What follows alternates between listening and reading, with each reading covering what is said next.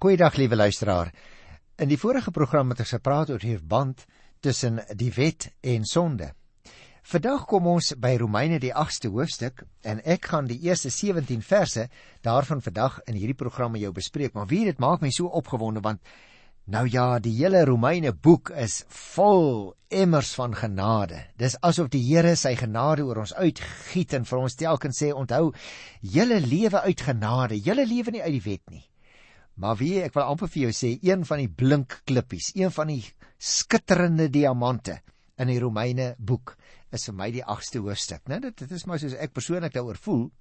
Uh die opskrif daarvan is lewe deur die gees. Maar ons kry ook 'n ander beeld wat gebruik word in hierdie gedeelte. Dit dit voel vir my ek sou as opskrif wou skrywe seuns en dogters, nie slawe nie. O, oh, dit maak daarom 'n groot verskil in 'n ou se lewe as jy weet ek is 'n kind van die huis. Ek is nie 'n slaaf op die landerye nie. Nou in die uh Afrikaanse teks is die opskrif en dis 100%, 100 reg, daar's nie 'n fout meer nie, is die opskrif lewe deur die gees. Miskien moet ek net weer vir julle 'n slaggie sê, alles wat in die Bybel in skuinsdruk is, byvoorbeeld die opskrifies. Skuinsdruk is altyd 'n aanduiding dit staan nie in die oorspronklike taal nie. Daarom kan 'n mens as jy wil die opskrifie bietjie verander. Daarom gee die dominee soms 'n bietjie 'n ander tema aan sy preek as hy 'n spesifieke gedeelte lees. Dit is maar soos wat 'n mens nou sê vir jouself sou sê, dit is hoe ek dit sou opsom. Maar nietemin, waaroor gaan dit in hierdie paragraaf wat die Bybel dan noem lewe deur die Gees? Hierdie gedeelte, liewe luisteraars, beskryf die groot, wat sal ek sê, die alles veranderende omwenteling wat die Gees van God in jou en in my lewe teweeggebring het. Ons hoor hier weer 'n keer jubeltone soos wat ons ook gehoor het in die 5de hoofstuk se eerste 11 versies. Maar hierdie keer word die nuwe bestaan van die Christen vanuit die gesigspunt van die Heilige Gees beskrywe. Wonderlik. Daarom kan die 8ste hoofstuk soms ook deur mense genoem word die hoofstuk van die Heilige Gees in Romeine.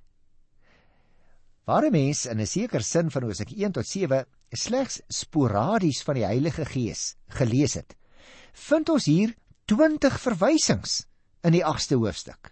Fantasties, hè? Die eerste 11 verse byvoorbeeld is die heerlike keersy van die 7de hoofstuk. Waar die 7de hoofstuk byvoorbeeld gepraat het hoe die wet vir die mens eintlik doodmaak as hy nog altyd probeer om die wet te handhaaf soos ons as Christene probeer doen. Sê dan maak dit jou eintlik geestelik dood man.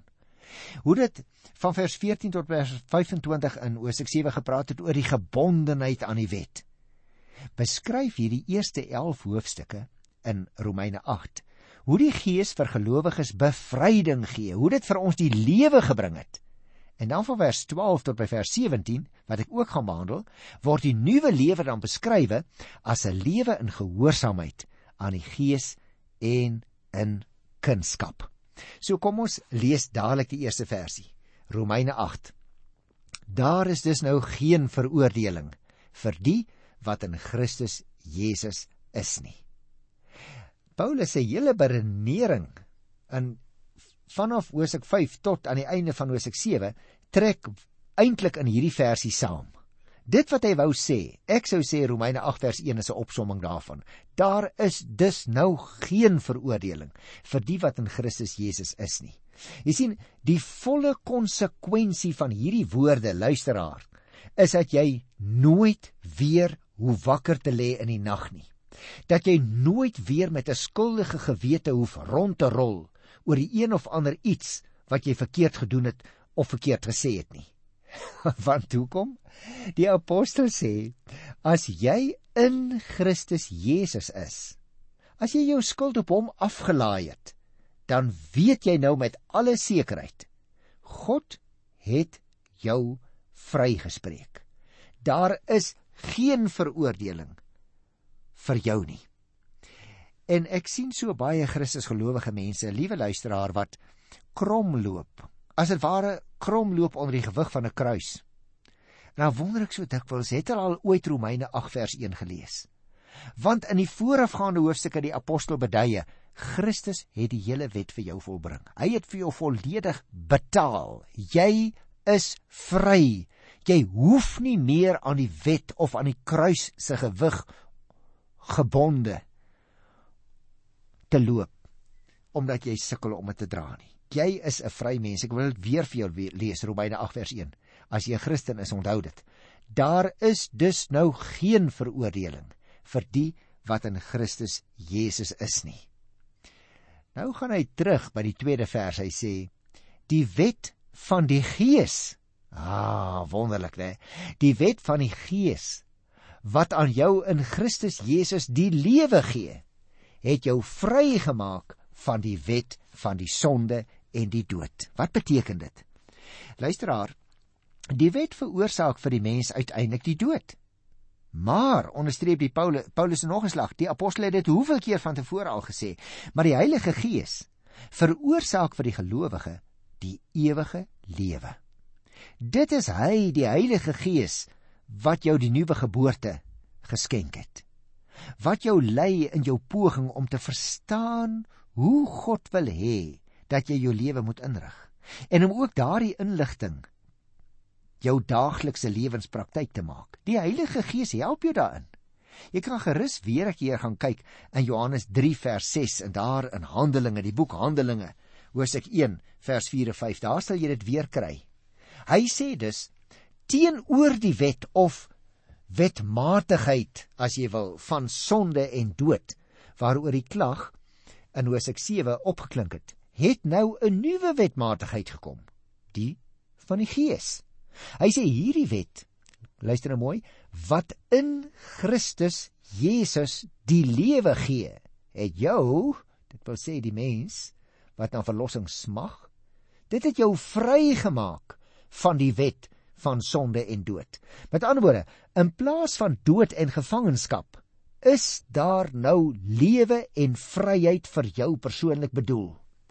En ek wil dit baie duidelik onderstreep, liewe luisteraar, want dit is geweldig belangrik dat ons nie so swaarmoedig dat ons nie so donker moet lewe elke dag nie. Ons is vry. Luister vers 3.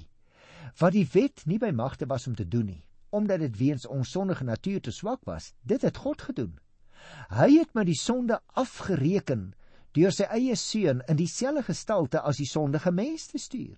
So het God die sonde in die sondige bestaan van die mens veroordeel. Wat beteken dit? Die grond vir die uitspraak wat Paulus hier maak is dit. Hy sê God het in Christus verrig waartoe die wet nie by magte was nie. Deur die wet moes ons God se wil gehoorsaam en die ewige heil verkry, maar vanweë ons sondige natuur, hy noem dit hier, was die wet daarvoor te swak. Dit wil sê, die wet was nie daartoe in staat nie. Nou voeg hy by: Deur sy eie seun in dieselfde gestalte as die sondige mens as 'n sondeoffer te stuur, het God sy oordeel oor die sonde wat aan ons voltrek moes gewees het luisteraars Daardie oordeel het hy aan Christus Jesus aan die kruis voltrek en so ons vrylating moontlik gemaak. Met ander woorde, dis my baie duidelik wat Paulus hier skryf. Hy, God, die Vader, het die straf op die sonde op Jesus Christus die sondelose laat neerkom. Hy moes dit eintlik op my laat neerkom het en op jou, luisteraar, maar hy het dit nie gedoen nie. Maar die gevolg daarvan dat hy dit op sy sondelose seun laat neerkom het, die straf in sy velheid het die konsekwensie vir jou en vir my dat ons nou vry is. Luister na vers 4. Nou kan ons aan die eise van die wet voldoen. Ons wat ons lewe nie deur ons sondige natuur laat beheers nie, maar deur die Gees met 'n hoofletter. Hierdie vers luisteraar dui die verdere doel van die vleeswording van die Here Jesus se kruisiging aan, naamlik dat die Christene nou as vrygesproke mense, as mense wie se lewe nie meer skryf Paulus deur hulle sondige natuur nie, maar deur die Gees beheers word, aan die eise van die wet kan voldoen. En hiermee lyk dit vir my bevestig Paulus sy stelling dat die evangelie verkondiging die wet juis tot sy reg laat kom. Onthou ons het daaroor gepraat nou as ek 3 vers 31. En dit gebeur deurdat die verloste mens onder die heerskappy van die Gees nou die wet as sy lewensreël gehoorsaam. Die teenstelling tussen die sondige natuur aan die een kant en die Gees aan die ander kant kom ook in die volgende verse herhaaldelik voor. En dit is vir Paulus baie belangrik dat ons dit moet verstaan. Luisteraar, onthou. Sondige natuur of vlees is by Paulus daardie sondige en verlammende mag waardeur die mens beheers en aan God ongehoorsaam gemaak word en wat lyn reg teenoor die gees van God staan. Die sondige natuur oefen egter ook nog op die Christen invloed uit in soverre as hy homself nie volledig onder die heerskappy van die gees stel nie. As jy dus 'n kamertjie van jou hart uithou, mag ek dit so stel, waarin jy die Heilige Gees nie wil toelaat nie, dan moet jy weet die Heilige Gees beheer nie jou volle lewe nie. Hy wil jou volle lewe beheer. Broer en suster, luisteraar, wat is die dele in jou lewe waar jy nog nie die stuur van jou lewe oorgee in die hande van die Heilige Gees nie? Wil jy dit nie vandag doen nie? Die Bybel roep dan tot ons uit hierdie gedeelte. Nou, hier by vers 5 tot by vers 11 gaan dit nou oor beheersing deur die Gees. Daar's nie opskrif nie, maar ek wys dit maar net vir jou uit. Vers 5 tot vers 11 handel oor die beheersing deur die Gees en deur die sondige natuur. Daar is dus hierdie twee magte wat in ons die stryd voer luisteraar en in hierdie bedeling waarin ons lewe die periode van die gees word jou sondige natuur moet jy onthou nie eensklaps vernietig nie hoor jou sondige natuur jou natuurlike geaardheid bly 'n appel op jou maak elke dag om aan sy negatiewe eise te voldoen as gelowige staan jy en ek egter onder die verpligting om nie toe te gee aan ons sondige natuur se drange nie, maar om ons deur die Gees te laat beheers. Paulus lyk vir my luisteraar stel in hierdie volgende verse as dit ware 'n balans staat op van die gevolge van aan die een kant beheersing deur jou sondige natuur en aan die ander kant as jy beheer word deur die Heilige Gees. Kom ons kyk so 'n bietjie daarna. Ek lees vers 5.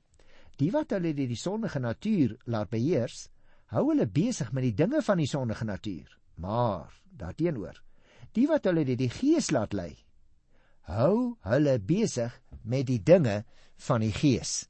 Plem Paulus beklemtoon dus liewe luisteraar dat die mens se besig wees en dan veral sy lewensgerigtheid 'n noodwendige gevolg is van die beheerpunt van sy lewe. Wat is jou beheerpunt? Jou sondige natuur of die Heilige Gees? Luister vers 6 en 7. Die dinge waarmee die sondige natuur van die mens hom besig hou, is immers vyandskap van God. Die sondige natuur onderwerp hom nie aan die wet van God nie. Dit kan trouens ook nie. Hy wil vir ons baie duidelik sê, aan die een kant, die sondige natuur se einde is die dood. Die einde van die pad waarheen die Gees ons lei, is lewe en vrede. Daarom moet ons goed verstaan sê die apostel daar is vyandskap en 'n groter vyandskap. Liewe luisteraar kan ek my nie voorstel nie. Daar is vyandskap tussen die sondige natuur en God. Anders gesê die Here gee vir ons sy gees omdat die sondige natuur in ons stry woon sy gees nou ook in ons om daardie stryd oorwinnend te kan voer. Luister na vers 8 en 9. Die wat hulle deur die sondige natuur laat beheers, kan nie die wil van God doen nie. Julle word egter nie deur die sondige natuur beheers nie, maar deur die Gees. Want die Gees van God woon in julle. As iemand die Gees van Christus nie het nie, behoort hy nie aan Christus nie.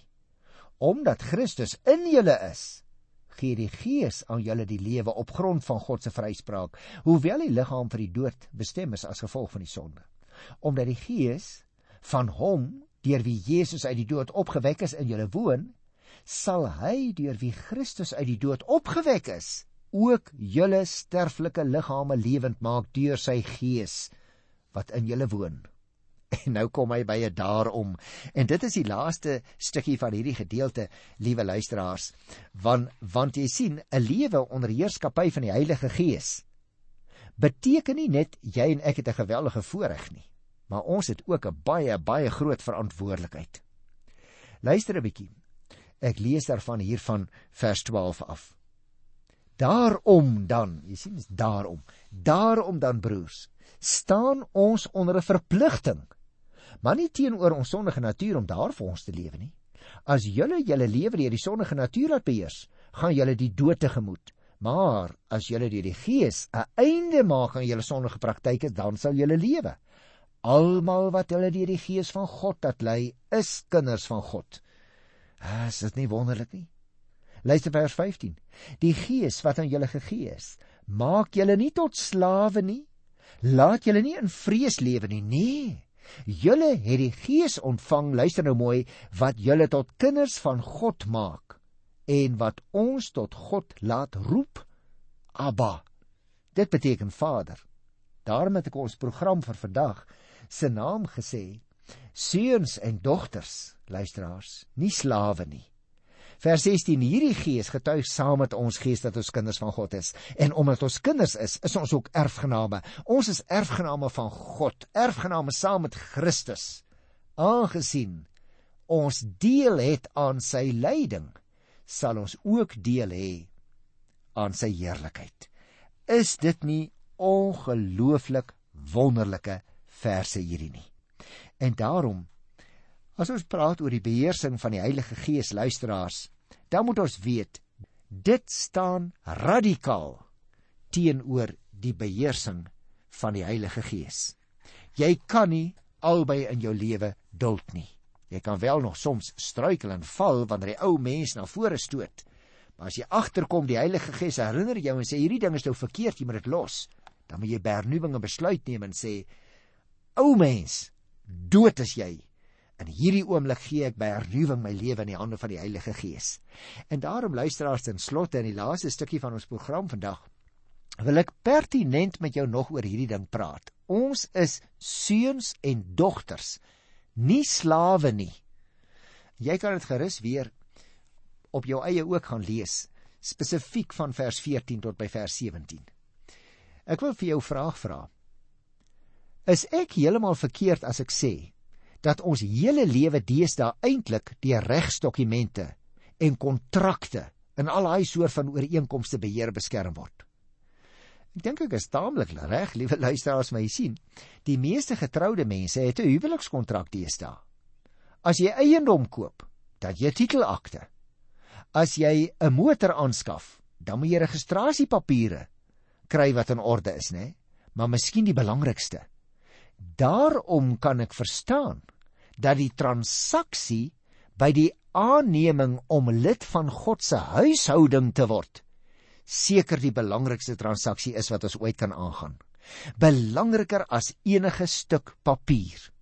Jy sien, die Bybel vertel vir ons in hierdie gedeelte van vandag van die getuienis van die Heilige Gees.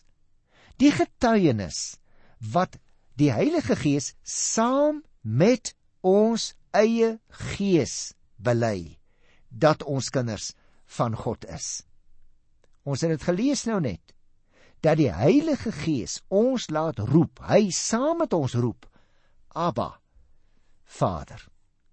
Met ander woorde, liewe luisteraar, die kontrak is gesluit en die seël is in die bloed van Golgotha waar die Here Jesus gesterf het op die kontrak gedruk.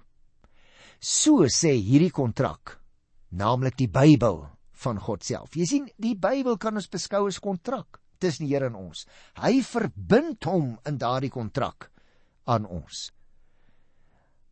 Die kontrak sê as ons is sy seun glo, dan is ons sy kinders. Nou prakties wat beteken dit nou? Boonop lei die Heilige Gees ons ook want vers 14 het nou vir ons geleer vandag eers wanneer ons ons deur die Gees van God laat lei sal dit openlik blyk dat ons kinders van God is.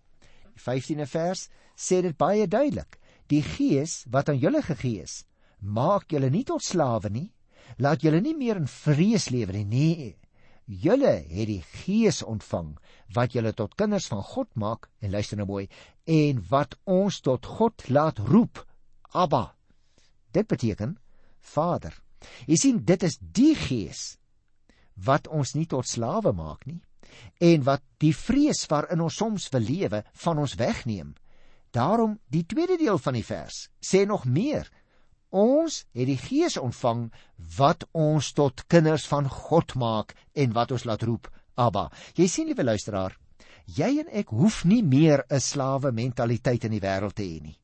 Want ons staan in die warm, die beskermende, die vertrouensverhouding van 'n kind teenoor sy hemelse Vader.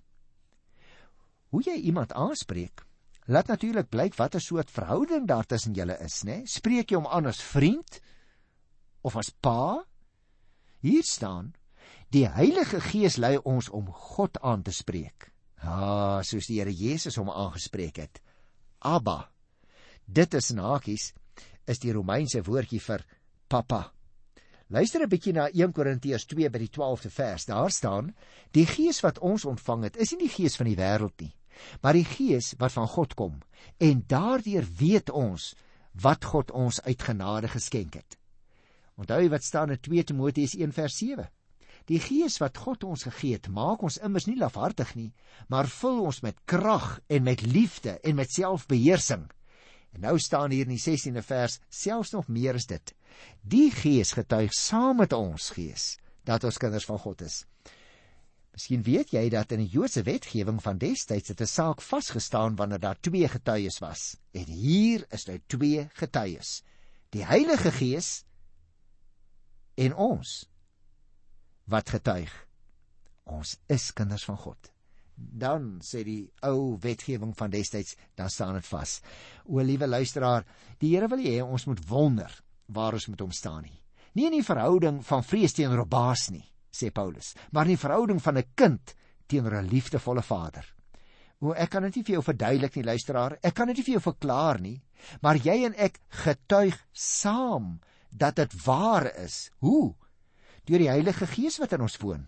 Wat voortdurend in ons oor fluister, jy kan vertroue hê man, jy's deel van God se familie. Ja, die Heilige Gees getuig dat ons kinders is, staan hier.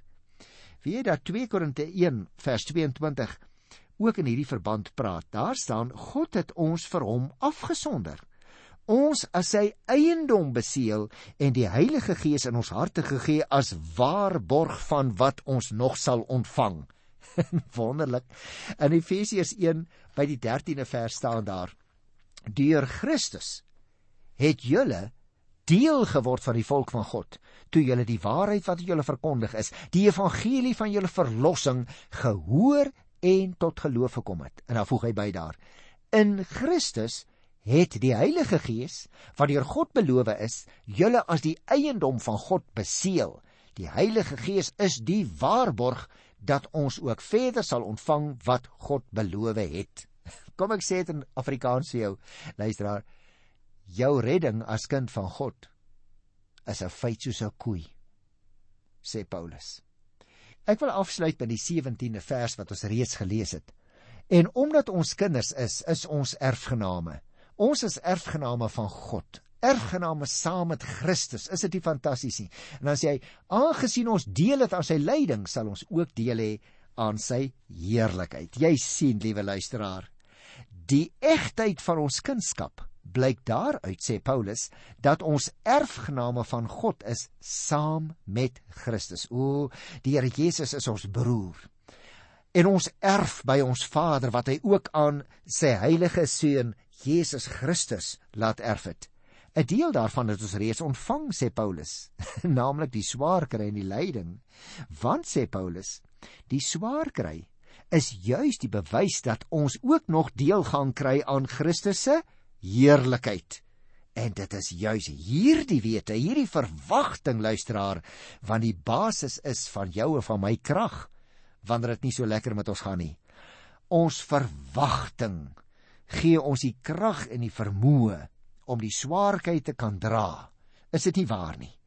O, die Here het ons letterlik ingeneem in sy familie. Luisteraar, die bewys lê juis daarin dat hy ons erfgename maak. Galasiërs 4 vers 7 sê dit. Jy is dus nie meer 'n slaaf nie. Jy is nou kind van God en omdat jy sy kind is, het God jou ook sy erfgenaam gemaak. Luister dan, liewe seuns en dogters, die kontrak, die Bybel sê ons is nie meer slawe nie. God het ons as sy kinders aangeneem. Dit is nie eers 'n engel wat boekhou van ons oortredinge nie. Luisteraar, ons is nie aangenome kinders nie. Ons is eie kinders. Toe God ons die naam gegee het, Christene. Ons getuig deur sy Gees, Abba, liewe kind van die Here. Ek groet jou in sy wonderlike naam, Jesus Christus ons middelaar. Tot volgende keer. Totsiens.